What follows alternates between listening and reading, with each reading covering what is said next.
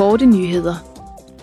En delegation fra Europaparlamentets udvalg om landbrug og udvikling af landdistrikter er i Israel for at drøfte kunstvandingsmetoder i en tid med stadig mere tørke i Europa.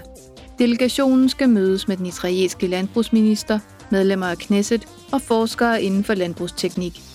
Den vil også besøge virksomheder, der er specialiseret i kunstvandingsløsninger, vandanlæg og landbrugsbedrifter, der bruger præcise vandingsmetoder. Besøget afsluttes i morgen. En delegation fra Udenrigsudvalget er i denne uge i Japan og Taiwan. Her vil udvalgsmedlemmerne med forskellige modparter drøfte den mest presserende geopolitiske udvikling i både den indopacifiske region og det sydkinesiske hav. I Tokyo vil de holde møder med japanske regeringsrepræsentanter, parlamentarikere og akademikere, mens besøget i Taipei vil omfatte drøftelser med højtstående embedsmænd. En delegation fra udviklingsudvalget er i disse dage på besøg i den demokratiske republik Kongo. Formålet med rejsen er at drøfte, hvordan EU kan hjælpe med at udnytte potentialet i det afrikanske lands rigdom på råstoffer til at fremme bæredygtig udvikling.